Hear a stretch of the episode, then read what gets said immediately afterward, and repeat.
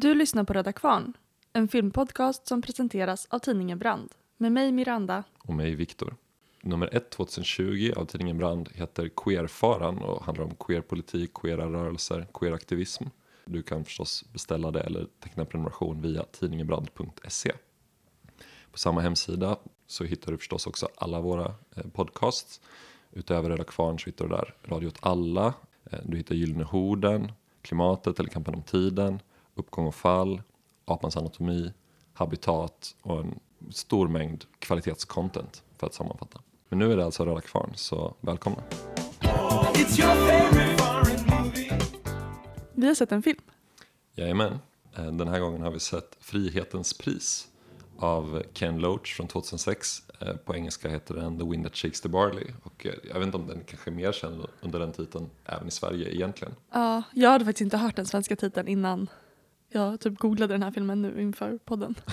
nej, nej, det är lite så. Jag tänker också på den som Wind That Shakes the Barley. Eh, Men den heter Frihetens pris då på svenska. Det är en film som börjar med en hurlingmatch.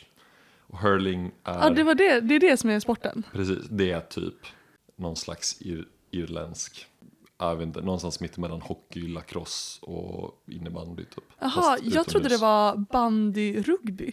Ja men det är nog lite rugby med. Jag tror att alla irländska sporter har någon typ av element av rugby. Om man med rugby menar tacklingar.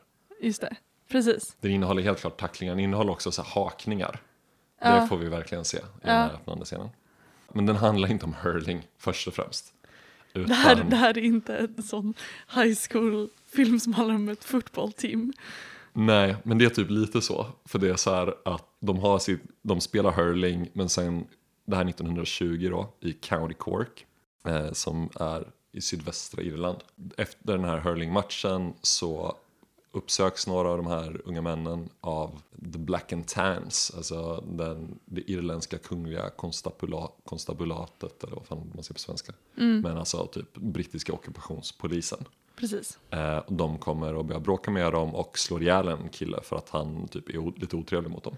Han, de ska säga sitt namn. Alltså det, är, det är olagligt med, alltså typ med möten och liksom offentliga liksom, samman, Mm.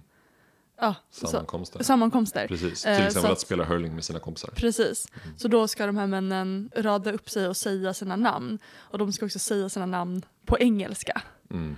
Så att den här killen då, han, han vägrar liksom Mm. göra det. Han är någon så här 17-årig snorunge liksom som bara... Eh, Hetlevrad ungsporre. Mm. Nej, vad säger man? En, het, en hetsporre heter det, inte ungsporre. Ja, han är hetlevrad i alla fall. Men ja, det straffas han för med döden. Så här, de verkligen för de bara slår ihjäl slår honom. ihjäl honom som blodig jävla sekt typ. Det är jätte, jätte, det är riktigt vidrigt grovt våld liksom. Och bland de här unga männen som blir vittne till det här finns då Damien O'Sullivan. Som spelas av Cillian Murphy som väl på redan på den här tiden var en hyfsat känd skådis. Definitivt kanske den, mest kända antar jag. Irländska skådisen i sin generation. Undantaget kanske Michael Fassbender. Nu är han ju väldigt känd från Peaky Blinders. Precis, men han var ju med i till exempel Cold Mountain som jag Ja. tror är äldre än, än Wind That Shakes the Barley. Ja. Ja, men han spelar huvudrollen i alla fall som Damien O'Sullivan. Som är en nyexaminerad läkare som är på väg att flytta till London för att eh, börja jobba där som läkare då. Men han blir vittne till det här mordet då på Mikael från konstabulatet och ett gäng av männen som bor där liksom i, i trakten försöker efter det på begravningen värva honom till IRA. Och han säger att han inte vill gå med. Då är han ju fortfarande inställd på att åka till London. Ja, och han är på väg att åka till London, han är på väg att gå på tåget när det kommer massa jävla black and tans igen, eller om de är soldater rent av. Eh, brittiska soldater i alla fall då, som kräver att få gå på det här tåget, men lokföraren tillhör en fackförening som eh, vägrar transportera, de har satt blockad mot att transportera trupper på eh, järnvägen. Exakt. Och eh, han vägrar backa på det. Ja. Även eh, fast de liksom börjar hota honom inte bara hota honom med våld, de brukar utöva våld på honom, men han bara vägrar. Och till slut så får ju britterna ge sig därifrån då. Och när han får se den här scenen då, Damien, då känner han att nej, Nej. Vissa principer måste man ändå stå upp för, så här kan vi inte ha det. Så han, eh, istället för att åka till London så åker han tillbaks till Cork och eh, går med i IRA. Ja. Vilka var IRA? IRA... IRA Jag jobbar alltså... numera på public service. Vilka var IRA? IRA var då alltså en paramilitär grupp på den här tiden då, 1920, som är liksom en tid som man kan kalla det irländska frihetskriget och det har egentligen redan börjat tidigare då. Men det är som mest intensivt under den här perioden och eh, IRA en paramilitär grupp som är eh, kopplad till republikanska irländska parlamentet som har liksom instiftat sig självt några år innan här då, eller något år innan. Det väljs en massa eh, parlamentariker till det brittiska parlamentet på Irland som är republikaner och som säger att så här, men vi ska ha självständighet som ju såklart inte erkänns av liksom, den brittiska ockupationsmakten. Eh, men man tycker att nej, men vi är det legitima parlamentet nu efter det här. Och IRA är deras väpnade gren då kan man säga som, som förklarar krig, när, de, när republiken, då, den självständiga republiken förklarar krig mot Storbritannien. Så det är en ganska lång utläggning om vilka IRA var då. IRA är ju en organisation som sedan genomgår liksom en väldigt lång historia ända in i våra dagar med splittringar efter splittringar och sammankomster Precis. och sådär. Ja. Eh, och är ju mest kända idag tror jag för liksom den eh, väpnade kamp som, de för, som det som kallas the provisional IRA eh, för under 70 och 80-talet Just det. och typ in på 90-talet Mm. under det som kallas the troubles och som handlar om då handlar kampen om att återförena Irland eftersom det här frihetskriget eh, slutar med att Irland delas mellan en självständig del och ja, Nordirland då som tillhör Storbritannien. Och där går Damien med. Där går Damien med. Han eh, tänker att han måste, han måste slåss för friheten. Och eh, när han går med så upptäcker han snabbt att en annan som är med i det här är ju den här lokföraren. Som heter Dan och som spelas av Liam Cunningham. Kanske idag mest känd från Game of Thrones. Men han är ju också, känd, också en av Irlands stora skådisar på senare tid. Eh, inte minst känd från en annan vad ska man säga, republikansk film, eller vad man ska säga, eh, Hunger av Steve McQueen som Just vi det. vill prata lite om här om avsnittet när vi pratade om en annan Steve McQueen-film som heter Widows. En, Ja. något bra poddavsnitt ni kan lyssna på. Hunger, också en väldigt bra film och den handlar om The Troubles kan man säga då. Och den tidens IRA på 80-talet. Så det är liksom Liam Cunninghams skådiskarriär i ett nötskal kan man säga. Han spel, Game of Thrones och olika IRA-filmer. Just det. Eh, Den här IRA-gruppen leds då av Damiens bror Teddy och Sullivan. Det är ett gäng andra karaktärer med där, vi behöver inte gå in på det, men det är liksom en liten grupp av karaktärer som är den här Mm. IRA-plutonen. Vi, vi får ju följa den lilla lokala gruppen Ja, helt enkelt. Mm. precis. Vi får ju följa det här kriget kan man säga egentligen då genom den lilla gruppens Mm. lins då. Alltså vi får se kriget som det yttrar sig i den här lilla trakten då i Cork. Mm.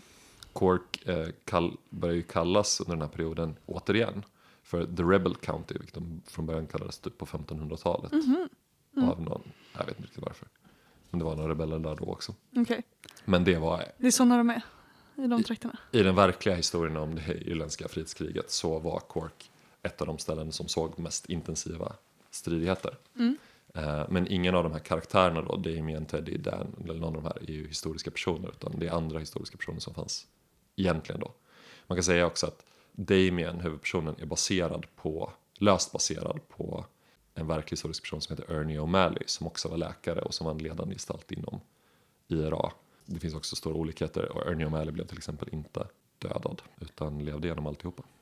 Men man kan ju säga det att i den här filmen det handlar ju verkligen om de här, den här lilla lokala gruppen, eh, alltså några centrala IRA-ledare de är ju inte med. Det är liksom vissa som så nä- nämns i Ja. förbifarten sådär.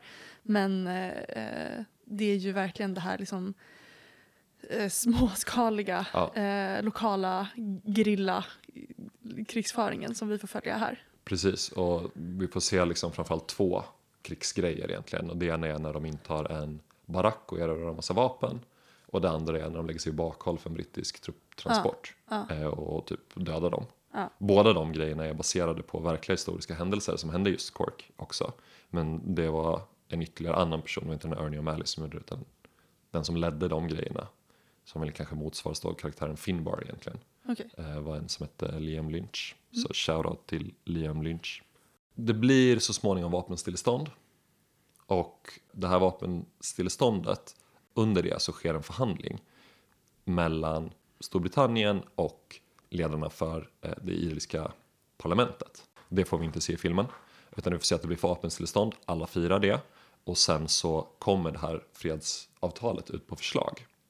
Och eh, här uppstår en stor konflikt. För att i det här fredsavtalet så har det gjorts stora eftergifter från politiska ledarna för Irländska republiken.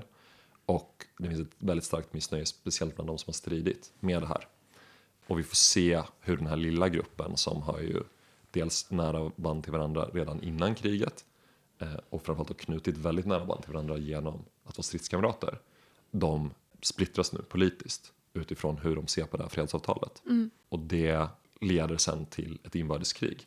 För att det här fredsavtalet det, det drivs igenom men väldigt stora delar av IRA framförallt var emot det och eh, gick då upp i strid med den irländska fristaten som bildades. Och en fristat, det var alltså då en del av det brittiska Commonwealthet, samfälligheten, antar man säger på svenska. Brittiska samfälligheten, alltså det brittiska imperiet under kungen helt enkelt. precis.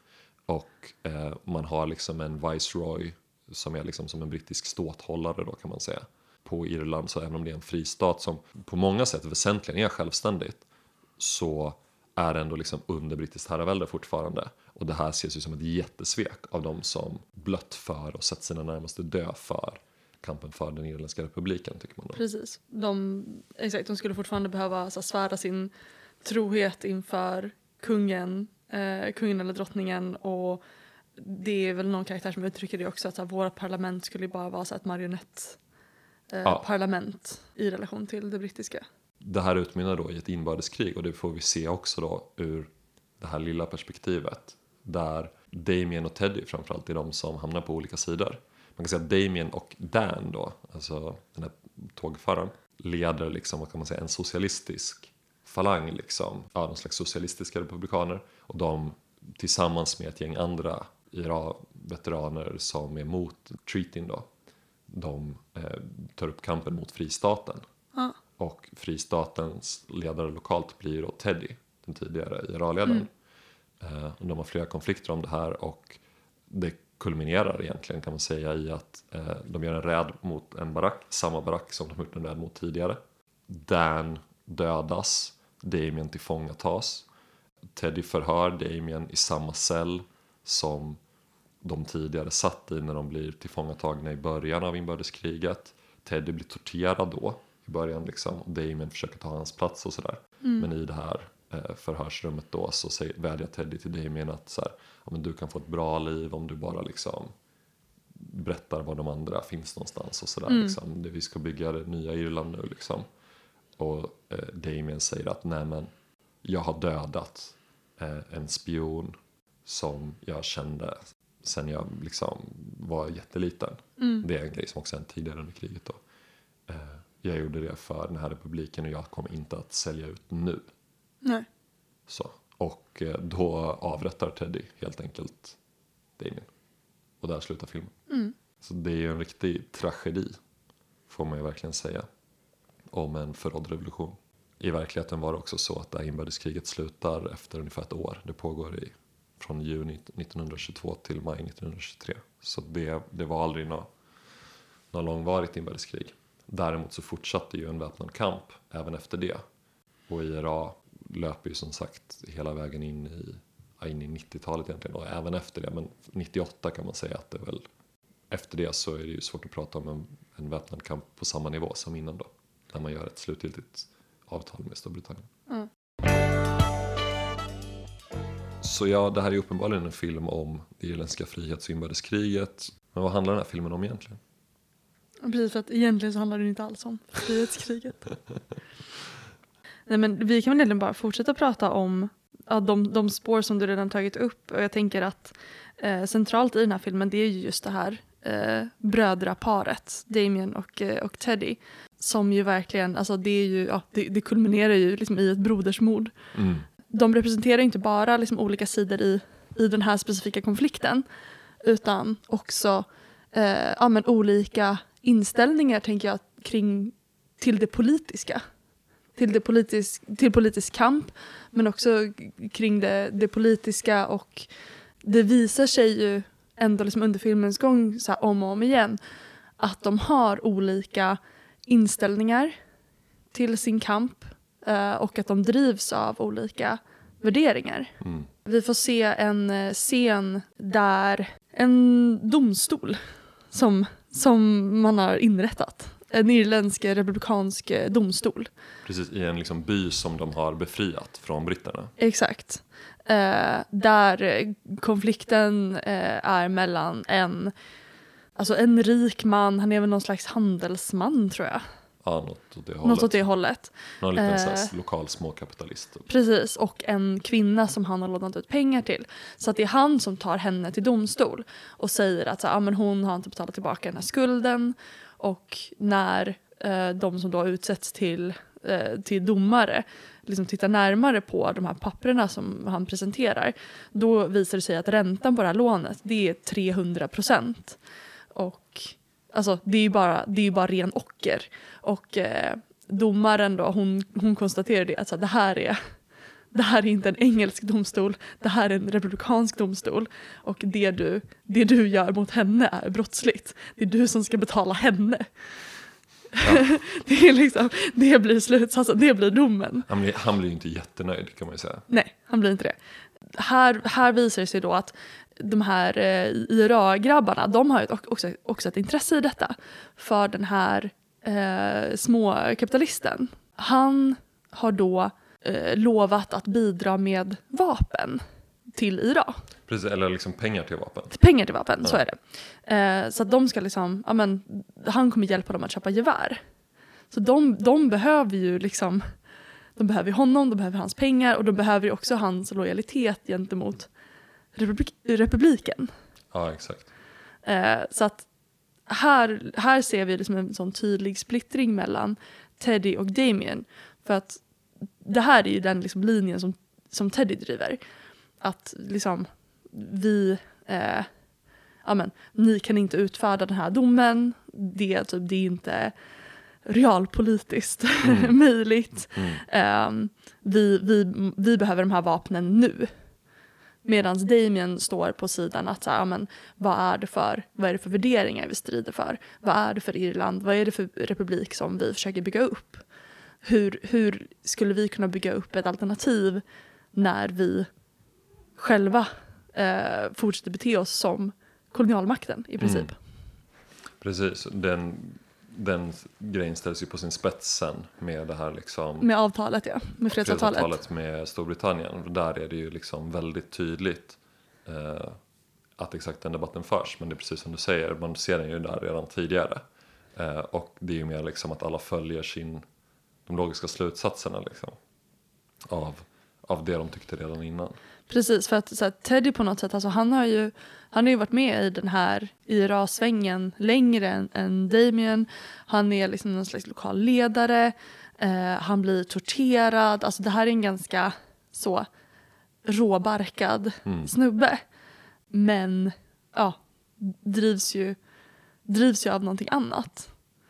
Eh, som ju också visar, eller man kan ju liksom fundera lite kring det. De, de kommer ju från någon slags, alltså, jag vet inte, de har ju hyfsat gott ställt. Det är någon typ av medelklassfamilj. Ja. Man får aldrig det riktigt klart för sig vad jag fattar. Men de pratar, i, när de har ett bråk på slutet. När liksom inbördeskriget redan i princip har brutit ut. Ja, Då berättar ju Damien någonting om liksom, ja, men pappa och tjänstefolket typ sådär. Just alltså det. Damien tar ju liksom ställning mot sin egen far där. Just tar ju av, avstånd från sin medelklassbakgrund. Och, eh, Och vi vet ju att Teddy han blir skickad på så här internatskola ja, när han var 12. när han är 12. Och, Damien gått på eh, medical school och sådär. Liksom. precis, så att så här, vi, vi har ju sådana aningar liksom. Absolut. Den som har en mer gedigen arbetarbakgrund och eh, är på den sidan, det är ju Dan, då, Ja. den här lokföraren. Han Ja. kommer från ett riktigt arbetarhem och han hamnar i fängelse tidigt. Liksom. Han är med i den väpnade kampen liksom tio år tidigare i princip. Ja, Eh, så han, han är lite äldre än dem. mm, Och han har liksom suttit i fängelse i Wales och så här, lärt sig läsa. Vilket han tycker var bra. Även Ja. om, men säg inte till någon att jag sa det, att bra att sitta där. Men då fick jag ju lära mig att läsa, det var ju grymt liksom. Eh, så då blir han, han, han är ju liksom ideologiskt driven på ett annat sätt än Damien är från början. Damien upptäcker det via Dan kan man säga. mm, Han är ju mer liksom en lite så aningslös yngling som sugs in i det här händelseförloppet. Och lite mer av en idealist. Medan Dan är ju mer liksom arbetarledaren. Eller Ja. ska säga. Eh, och Dan säger ju det liksom i, i eh, själva den stora argumentationen gällande fredsavtalet. Att om vi går med på det här fredsavtalet, vi kanske får en republik i slutändan via på något sätt liksom. Och det är ju det som är argumentet från de republikanska ledarna angående det här fredsavtalet. Att så här, det här är ett första steg mot att vi sen ska kunna bli fria. Och det är ju också så det blir i verkligheten. Eh, Även om det krävs rätt mycket ytterligare väpnad kamp för att, för att komma dit så är det ju ändå dit det blir så då, 37 till slut då. Eh, men även om vi vinner republiken på det sättet, går vi med på det här frihetsavtalet och gör det på det här sättet, då det enda vi kommer byta ut är liksom de mäktigas brytning och flaggans färg. Han slåss ju för liksom en socialistisk republik och det handlar om att förändra egendomsförhållandena i grunden. Och det är liksom något han också verkligen för fram.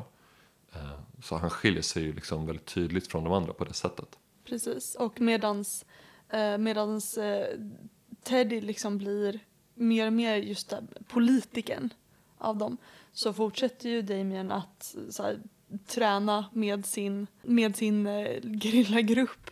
Eh, och eh, vi får också se att mitt i den här eh, militärträningen som de gör på ett så här svinvackert typ fält Um, så kommer det så någon gammal kvinna och typ hämtar honom för han är ju läkare. De behöver, de behöver liksom en läkare. Och han, uh, hon tar honom till något litet, litet hus där en pojke som är kanske sju år gammal ligger nerbäddad. Och uh, ja, de, de förstår inte vad som är fel på honom. Och eh, Damien inser det att ja, men han är ju, alltså, han håller på att svälta ihjäl. Det, det är det som är felet. Mm. Eh, han ser ju det här, det här pågår liksom och det här är ju i fredstid. Mm. Eh, det är det här som drabbar honom. Mm. Ja, och det är ju det som Damien, man kan ju tycka att han framstår som idealistisk liksom på ett sätt då. Och det handlar ju om att vara lojal med någonting. Men att jag tänker att på något sätt så handlar ju filmen om så här. En sak är att kämpa mot någonting och en annan sak är att kämpa för någonting. Och Dan har någon liten utläggning om precis det också. Det. Men Ja. jag tänker att det verkligen är någon slags huvudbudskap i den här filmen. Att så här, Damien tar ju en utgångspunkt i att bara se det här grova våldet eh, mot den här unge Mikael som blir dödad för att han säger sitt namn på irländska och eh, sen mot lokföraren för att han vägrar eh, förflytta trupperna. Ja. Och där känner han, nej, det här är ju hemskt liksom sådär. Men ju mer han liksom eh, ägnar sig åt kampen så får han också erfarenheter som ger honom en övertygelse på en annan nivå om behovet av liksom en social samhällsomvälvning. Han har ju någon slags sådana idéer från början med, säger han ju till Danny någon scen med att så här, ja, jag var med, jag var, sa så socialistiska grejer på debatter på universitetet typ. Just det. I was all talk. Ja. Men att på något sätt när han liksom lever kampen och liksom lever tillsammans med alla andra, då liksom får han någon slags djupare förståelse. Och det skiljer ju honom från Teddy som är mer liksom ledaren som kommer in och så här ger order och ska liksom organisera någonting. ja, Så de får ju liksom, de får ju väldigt olika erfarenheter på det sättet. precis. Men jag skulle ändå säga att alltså, jag tänker att Ken Loach ger, eh, ger idealisten rätt Mm. i den här filmen. Om man tänker liksom den väldigt så jag dikotomin idealisten och realisten Mm. så, eh, så, så är det ändå liksom idealisten som, som faktiskt kan, som faktiskt kan så, driva någonting. Ja, och eh, de har ju till och med en debatt om det liksom, Teddy och Damien i slutet. Ja, Där Damien säger rakt ut att så här, du kanske tycker typ är idealistisk men det är jag som är realisten.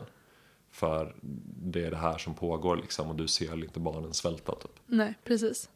Och eh, jag tänker att eh, alltså någonting vi också får, får se det är ju hur alltså inflätad den, deras väpnade kamp är med ah, en liksom solidaritetsrörelse också.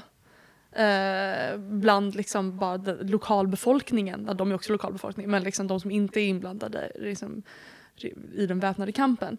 För att de här, den här gruppen, alltså, de promenerar ju på de här landsvägarna och behöver sova hos liksom, de som de går förbi och de får liksom mat och husrum. Eh, och vi får ju se sådana inblickar bara i liksom, någon slags vardagsliv där den väpnade kampen är, ju- är ju verkligen ingenting separat från det, van, det vardagliga livet Nej, som bara liksom pågår här. En social väv verkligen. Liksom. Precis. Där det finns de som kan hålla i gevär och skjuta liksom och så finns det de som inte kan det men som hjälper till på andra sätt. Ja. Liksom. Vi ser mycket så här, kvinnor och barn typ som eh, ägnar sig åt eh, underrättelsearbete. Ja, Alltså så här, Skicka sk- meddelanden meddelanden ger information, Ja. Spionerar på engelsmännen och deras anförvanter. Eh, eller liksom leder dem genom olika platser och sånt. Men också Mm. som du säger, liksom, alltså, mer logistiska grejer. ja, Och det, det är verkligen höger och vänster ficka på något sätt, liksom, eller höger och vänster hand kanske. ja, Alltså, och det, det är väldigt tydligt hur alla först och främst är liksom lojala med varandra på något sätt. Det är liksom ett, ett community ja, på något sätt som, som är kämpande här. Och det är därför de kan vinna, tänker mig är en poäng som verkligen görs i den här filmen. ja, För att ja, folk, hela, när hela civilbefolkningen kommer samman på det sättet eh, mot liksom, en ockupationsmakt, då är det liksom ganska hopplöst ockuperat. Även om du har ett liksom, militärt överlägsen apparat på vissa sätt, vilket britterna självklart har. Eh, vad gäller beväpning och trupper och allt sånt liksom. ja. Då kan de ändå inte vara framgångsrika. Jag tänker att det är lite... Det här är Nej, sånt man också kan se liksom i många andra konflikter. Tänk på så här Vietnamkriget, Absolut. det amerikanska kriget. Precis. Eh, och den här filmen är ju från 2006. Jag tänker Ja. att den i hög grad är en kommentar också till eh, Afghanistan och Irak. Ja, Tveklöst. absolut. De brittiska... Och, och inte minst, där. eh, precis, och inte minst eh, liksom, eh, med den här tortyrscenen. Ja, Just liksom tortyren som en så integrerad del av väststaternas liksom, politiska maktutövning. ja. Det är ju kul med, apropå det, hur, hur de gör en koppling. Det känns ju lite som Ken Loachs egen käpphäst, men jag har ju samma käpphäst så jag uppskattar det väldigt mycket. Liksom. Det här att han ska dra in Winston Churchill väldigt mycket i det här. Ja. Och Churchill var ju jävligt delaktig i ockupationen av Irland och han var ju den som förhandlade med Michael Collins där liksom. Men eh, Churchill har ju fått i efterhand den här liksom frihetshjältesbilden liksom från Åh, andra världskriget och sådär. Men han var ju verkligen en, en samvetslös jävla mördare typ. Ja. Och det är ju något som aldrig kan upprepas tillräckligt många gånger. Nej, verkligen. Och han var ju verkligen en av de som förespråkade just tortyr exempelvis. Ja, Eh, och inte bara i, på Irland utan även tidigare i Sydafrika och sådär liksom. Och där han också var delaktig i att inrätta tidiga koncentrationsläger långt innan tyskarna ens hade uppfunnit det. Liksom. visst, visst, visst, visst. Så ja, shoutout till Winston Churchill. Svin. Men jag bara tänkte på det, ja, men bara liksom i, i anknytning till hur, hur den här filmen är gjord, liksom hur man berättar den här, ja men den stora berättelsen ur ett eh, mikroperspektiv. Ehm, nej, men jag tycker en sak som den här filmen gör väldigt bra är hur den skildrar, eh, hur den skildrar våld. För det, det är ju, alltså jag var typ lite, jag blev liksom lite orolig, så här, vad är det här för film när eh, den här unge mannen blir liksom slagen till döds i början och bara liksom hänger, de typ eh, binder fast honom vid någon träpåle och bara slår ihjäl honom. Det, det är så fruktansvärt brutalt. Vi får inte se när de slår ihjäl honom, vi får liksom höra det och se, se resultatet av det. Mm. Ehm, men men eh, Tortyren får vi ju se. De drar ut naglarna på Teddy. ja, jag såg inte det. Nej, du såg inte det. Jag, Men man får se det i jag filmen. petade på det när det var över. Men man, man får se det i filmen. Ehm, men, men att den... Det här är ändå en film som lyckas skildra ett väldigt grovt våld samtidigt som det görs, eh, vad ska man säga, alltså eh, man får se, hela tiden se vad våldet liksom gör med de människorna som är inblandade. Eh, det är liksom inte det här hyper-ultra-våldet som bara så sker och sker och sker och sker, och sker. Utan vi får hela tiden se konsekvenserna av det. Ja. Jag tänker dels på när Damien faktiskt avrättar en, en tjallare. Mm. Eh, och det är ju liksom, det är ju så fruktansvärt plågsamt. Ja, gud. Han måste ju då liksom, och det här är ju på liksom order från eh, högre upp i Iran, eller så här, det är så här vi hanterar golare Ja. egentligen.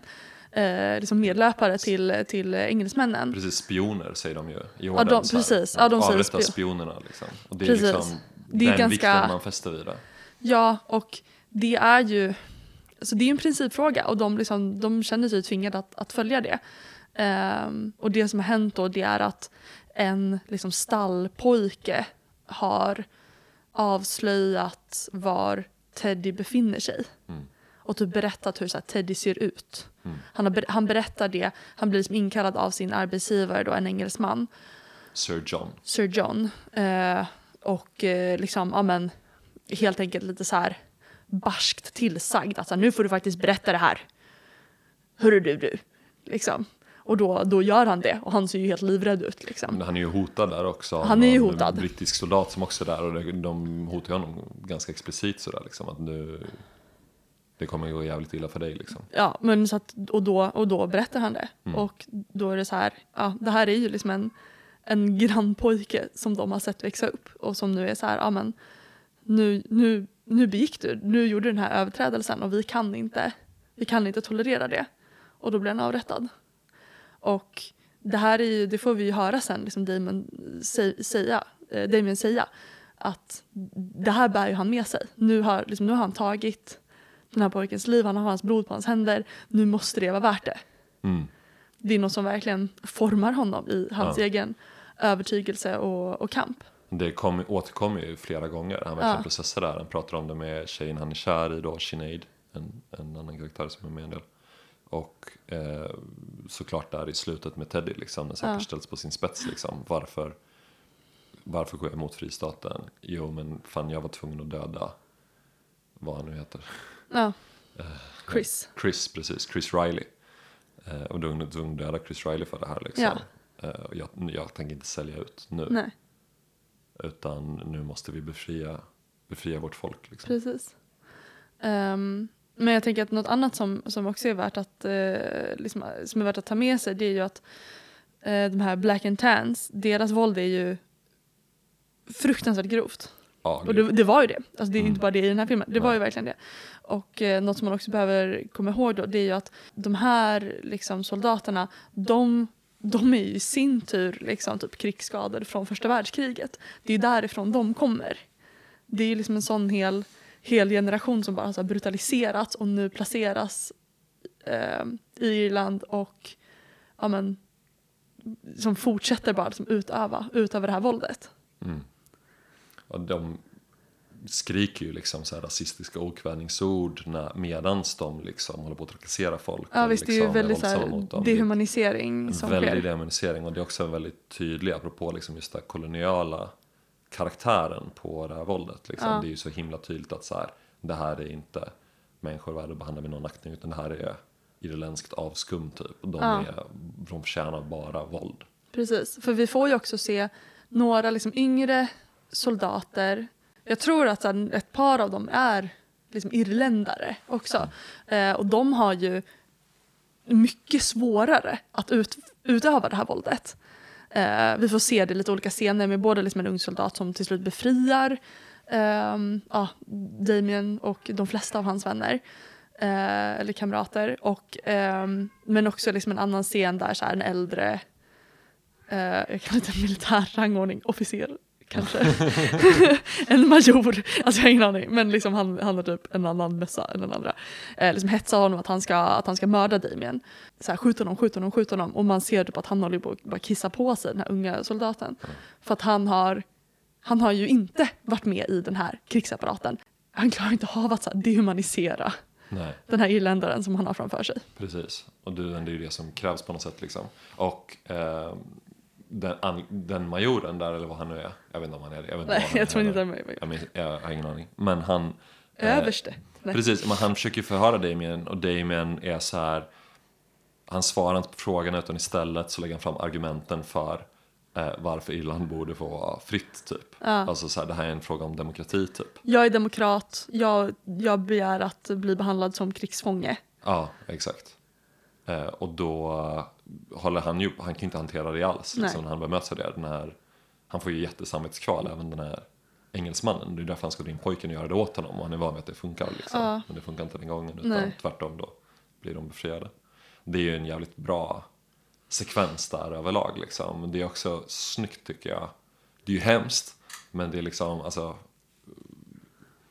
hur de tvingas fly där och lämna sina kamrater för det är en nyckel som saknas så de kan inte öppna en av cellerna. Och snart kommer de andra soldaterna så de måste ju springa.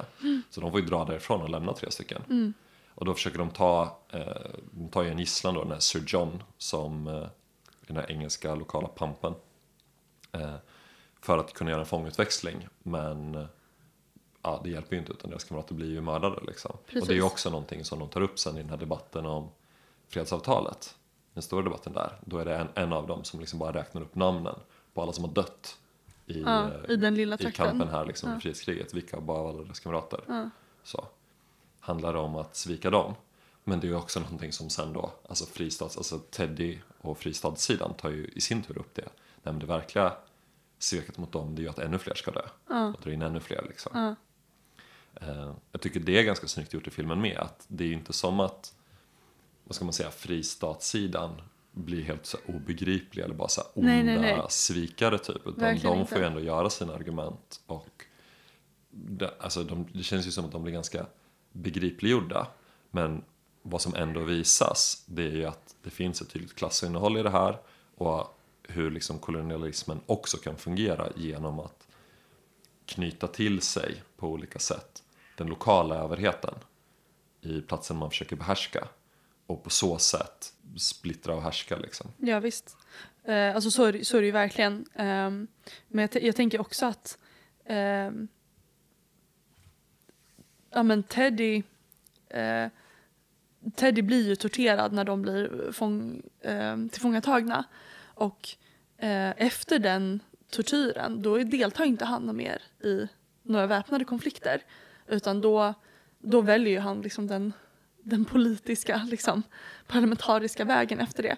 Man skulle också kunna se det just som att, så här, ja, men, jag vet inte, i, i mycket liksom så här, film och tv så är det ju så här när man har varit med om det där då blir man så hård, då kan man så här, ta vad som helst. Det är inte det som hände Teddy. Nej. Utan han blir helt knäckt. Ja, Och man kan ju liksom se det som ett så här, alltså det, det ligger liksom i hans traumatiserade egenintresse att bara få slut på kriget för att han, han bara klarar inte av mer krig. nej exakt. Det finns ju någon, någon liten scen där, där liksom efter tortyren när, när Damien som ju är läkare då tittar till hans sår där på de utslitna naglarna. Ja, Eh, de är på väg in på något annat möte så. ja, Och kollar till dem lite, ja det är bra att du, de läker fint, jag ser, du sköt väl om dem så här, Teddy Ja. bara, "Ah, ja. Eh, och Damien är så här, hur är det med dig annars liksom sådär. Och Teddy är så här jättejäktat och liksom ser blek ut, ja. bara, I'm- I'm grand, typ. ja, ja. Eh, vilket alla säger hela tiden, men det är verkligen som om bara, nej det är du inte. Typ. Nej. Han är ju jätte, jätteplågad av det, Ja. vilket ju är logiskt eftersom tortyr, alltså att, att, att utsättas för våld av en annan människa på det utstuderade sättet när man är i ett sånt hjälplöst tillstånd. Det är ju liksom det psykiskt typ mest nedbrytande man kan vara med om. Mm. Det finns liksom egentligen nästan inget säkrare sätt att traumatisera en människa på. Mm. Så det är ju liksom jag skulle säga att den här filmen är ju verkligen inte någon av dem som visar tortyr på grövsta möjliga sätt. Eh, eller liksom psykisk nedbrytning på den grövsta möjliga sätt heller. Liksom. Nej. Ted är ju fortfarande en, en kapabel person liksom, efter Ja, det här. ja. Och kan göra allt möjligt sådär. Men det är ändå liksom en poäng som görs här. Och jag tänker att inte minst liksom det här att, att döda sin egen bror. Ja, Jag tror inte att, jag tänker att det är något han inte hade varit kapabel till om det inte vore för den traumatiseringen han utsätts Nej. för i och med den här tortyren. mm. Nej men och vi får ju också se, alltså, ehm, ja men när de liksom återvänder till sin, eh, till sin hemby, då får de ju också se ehm, eh, systern, alltså Sinead då som eh, Damien sen blir ihop med. Eh, Sinead och, ehm, alltså, och då, är- hon är alltså syster till killen som mördas precis i början. Ja, Mikael, Precis. Hurling-killen. Exakt. Och typ deras mamma tror jag. Mm. Eh, att de, liksom, de blir liksom trakasserade av militären och eh, de eh, bränner ner deras hus. Och eh, de typ sliter, sliter slash klipper av eh, Sineads hår. Mm. Hon är liksom helt så här sårig liksom i, i skalpen och traumatiserad. Och de, de kan liksom inte ingripa i det där. De är, de är för få, de har ingen ammunition ammunition. kvar. Ja. För de, de har ju precis eh, utfört den här, eh, vad heter det, alltså Bakhållet. bakhållet. Så att de, liksom, ah, de har bara inga resurser att kunna ingripa. Så det enda de kan göra är att liksom gömma, sig, gömma sig i buskarna och liksom komma till dem senare. Ehm, så det är ju verkligen också en film som skildrar det här är ju väldigt så här, kapabla, handlingskraftiga män. Men just deras maktlöshet ja, som de bara ställs inför om och om igen. verkligen. Både där liksom när de ser Sinead, eh, ah, de övergreppen mot henne helt enkelt. Mm. När de hör eh, Teddy bli torterad i liksom ett rum längre in i korridoren, alltså om och om igen. Mm. Jag tycker också det är en av den här filmens eh, styrkor att, att den ändå inte frossar i det där våldet. För att om man tänker krig i verkligheten så är ju det, det våld folk kan utsättas för så oerhört grovt ofta. Och jag tänker att både den här tortyren i fängelset men tänker också den här liksom eh, våldet mot de här kvinnorna i det här huset. Alltså, man skulle ju kunna tänka sig en film som frossar i ett mycket grövre våld mot dem. Ja, ja, gud ja. Men det väljer ju eh, det väljer ju de bort då, liksom Ken Loach och hans ja, författ, manusförfattaren, vad han nu heter. Ja. Eh, ja, men till förmån för att, kunna, att visa Alltså både att, de, att han skär ner på det men också för att visa så reaktionerna. Exakt, Reaktionerna på det och ja, men, konsekvenserna det får för människorna efteråt. De blivit utsatta.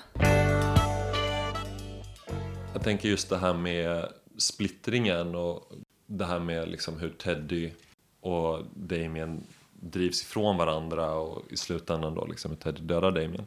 Det känns som att den här filmen försöker göra också en, en berättelse eller en poäng om politiska rörelsers karaktär lite. Med liksom många olika falanger som har delvis olika intressen men man har vissa tydliga gemensamma intressen.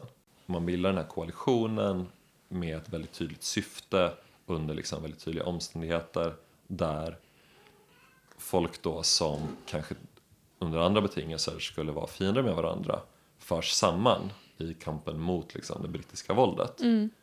Men också sen när den kampen på en nivå blir vunnen då ställs de mot varandra. För att det finns också intressemotsättningar som ligger där latent. Vi ser dem för, som föraningar redan hela tiden som i den här rättegångsscenen du pratade om tidigare då. När det handlar om liksom hela geografiska områden på det här sättet då rymmer ju de alla möjliga egna dynamiker och konflikter. Och att tänka det som en kamp mellan gott och ont är ju liksom att förenkla väldigt mycket. På något sätt så är är det ju liksom enkelt, tycker jag, att ta avstånd från eller känna sympati med de som kämpar mot den brittiska ockupationsmakten. Precis som det har varit i liksom de flesta antikoloniala rörelser. Det är ju något som om man står till vänster inte är en så svår fråga att ta ställning i på en nivå.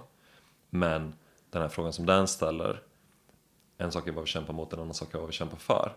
Den är ju extremt relevant. Om vi tittar på många av de självständighetsrörelserna som finns idag, liksom, utöver Nordirland så handlar det ju om Skottland, Katalonien, Baskien. Katalonien är ju den som kanske har stått mest på sin spets på, på sistone. Mm. Det finns ju en reflex, tycker jag, eh, från folk inom vänstern att självklart ta ställning för alla självständighetsrörelser som har någon typ av vänsterinslag som hyfsat framträdande. Men den här, den här filmen visar att det är ju verkligen inte så enkelt. Utan de flesta av de här rörelserna är väldigt brokiga och de innehåller alla möjliga politiska tendenser. Och att stötta Teddy är någonting helt annat än att stötta- stötta Damien. Ja, precis. Och alltså, det är verkligen det jag också tar med mig som ett budskap från den här filmen. Eh, jag tyckte det var lite intressant för jag satt och läste lite recensioner eh, av den här filmen från, från 2006. Typ alla liksom, brittiska recensioner Alltså det är liksom, man märker det, det, det, det beror lite på liksom, eh, ja, vilken plattform de är, de är publicerade på. Men fokus ligger hela tiden på konflikten mellan Irland och, och England och Storbritannien. Och just så här hur, hur eh, Ken Loach skildrar liksom, ja men engelsmännen, det är verkligen the baddies. Mm. Ehm, Och så här, men är, var det verkligen rättvist att, eh, att skildra, skildra engelsmännen på det här sättet? Obs, det var fett rättvist. Det fett rättvist. Alltså, Du jag- har ju engelskt är- påbrå. Precis, det har man ju. har man ju på mitt namn eller på så här. Men ja, eh, exakt. Och jag kan ju fortfarande stötta Irlands sak. Ja, Eh, men, ehm, eh, men alltså det var liksom, det var fokus i flera, flera recensioner jag läste. Det är verkligen inte det som jag tar med mig. Det är verkligen inte det här, de goda mot de onda. Okej, det är typ de goda mot de så här, superonda. Men, men det är inte där, det är inte det som fokus är egentligen. Utan, utan som du säger, det, är liksom, det handlar ju verkligen om den här, eh, det är liksom en ganska, alltså både så här bitter men också hoppfull eh, blick på liksom, ja, men, politisk frihetskamp och just som du säger, liksom, olika intressen som ställs mot varandra, olika människor som tidigare har liksom, växt upp med varandra, varit lojala mot varandra, hur de ställs mot varandra. Eh, där man verkligen måste ta ställning. Det, det, det är det det handlar om. ja och, och tidigare liksom fiender, eller vad ska man säga, naturliga fiender som ändå kommer samman i kamp för ett gemensamt mål. Eh, och någonstans så tror jag att alla som engagerar sig politiskt på något sätt behöver ha den insikten att allianser och lojaliteter med olika liksom, grupper eller eh, vad den handlar om behöver ju på något sätt ses i sin aktuella kontext. Det är liksom inte självklart så att så här, ja, men jag är för IRA och jag ska stötta dem alltid. Så kan man liksom inte tänka. Utan man kan tänka att så här, givet en viss situation eh, eller i en viss kontext så kan jag stödja en sak men det betyder inte nödvändigtvis att jag kommer stödja dem när de gör något helt annat. Vilket de tenderar att göra. Om vi tittar på just IRAs politiska historia då under den här tiden så har de en väldigt tydlig vänsterprägel eh, och de går ju emot fristaten mycket utifrån det. Ja. De största delarna av IRA, det finns ju delar av IRA som ansluter sig till fristaten men den största delen går ju emot dem. Eh, och IRA får senare en väldigt tydlig vänsterprägel under slutet av 20-talet och början av 30-talet. Det blir en väldigt antifascistisk prägel, man är ute och så här slåss med fascister runt om i Irland. Sen under 30-talet i takt med att Storbritannien hamnar liksom på kollisionskurs med Nazityskland eh, då skiftar ju det här och IRA blir typ tyskvänliga. Eh, De börjar ha gemensamma politiska projekt med de här blå skjortorna eller grönskjortorna som de tidigare slogs med. Den utvecklingen sker på bara några år utifrån att plötsligt så är den liksom mer så här katolsk nationalistisk Ja. tendens som dominerar, som dominerar IRA. Men sen efter, eh, efter andra världskriget så sker ett skifte igen. IRA blir mer tydligt marxistiskt under slutet av 50 och framförallt början av 60-talet utifrån att man då under kalla kriget får stöd från Sovjetunionen. Ja. Eh, och sen sker en splittring då på 60-talet mellan the official IRA som är marxister och the provisional IRA som är katolska nationalister. Men när det blir provisional IRA som för den framgångsrika väpnade kampen då kommer ju allt fler in i dem och under 70-talet skiftar de karaktär och blir liksom en vänstergrupp basically. Det blir väldigt konstigt om man säger så här, men jag är för eller emot den här organisationen eller jag är för eller emot eh, det här landets självständighet och, och sådär. Man kan ju självklart vara för ett lands självständighet, jag är väl för det rent allmänt, speciellt från en kolonial ockupationsmakt. Men man kan också ändå se hur även liksom ett kolonialt befrielseprojekt kan bli liksom allierade med Nazityskland. Det är ju liksom, det är såklart inte rättvist att säga att alla som var med i Irak på det här kän- 40-talet det här var nazister. Det här känns lite som ett sånt. Um, alltså i, eh, i analytisk eh, filosofi, Ja. så liksom min bild av analytisk filosofi, det är väldigt mycket typ att man så för ett resonemang och sen så slutar det med att så här, men om man har det argumentet då är det rätt att mörda barn.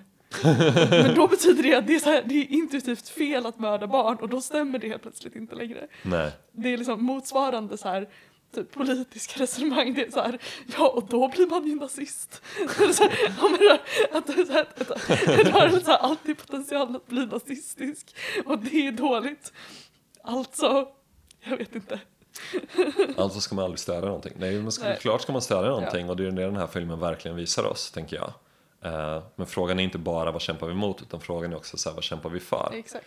Eh, och den, det, den eh, mer nyanserade och samtidigt mer grundade hållningen, tänker jag, är väl att man är självklart mot den brittiska ockupationen och man stödjer kampen mot den, men man stödjer också de tendenser inom den som står för liksom ett störelsebefrielseprojekt som handlar om att befria mänskligheten från, från eh, dess förtryckare av olika slag oavsett Precis, både den de brittiska, pratar- brittiska kolonialmakten men också ockrare. Exakt, oavsett om de pratar liksom med en engelsk eller irländsk accent. Come out, black and tans, come out and fight me like a man. Show your wife how you won medals down in Flanders. Oh, and how the IRA made you run like hell away from the green and lovely lanes of Killeshan.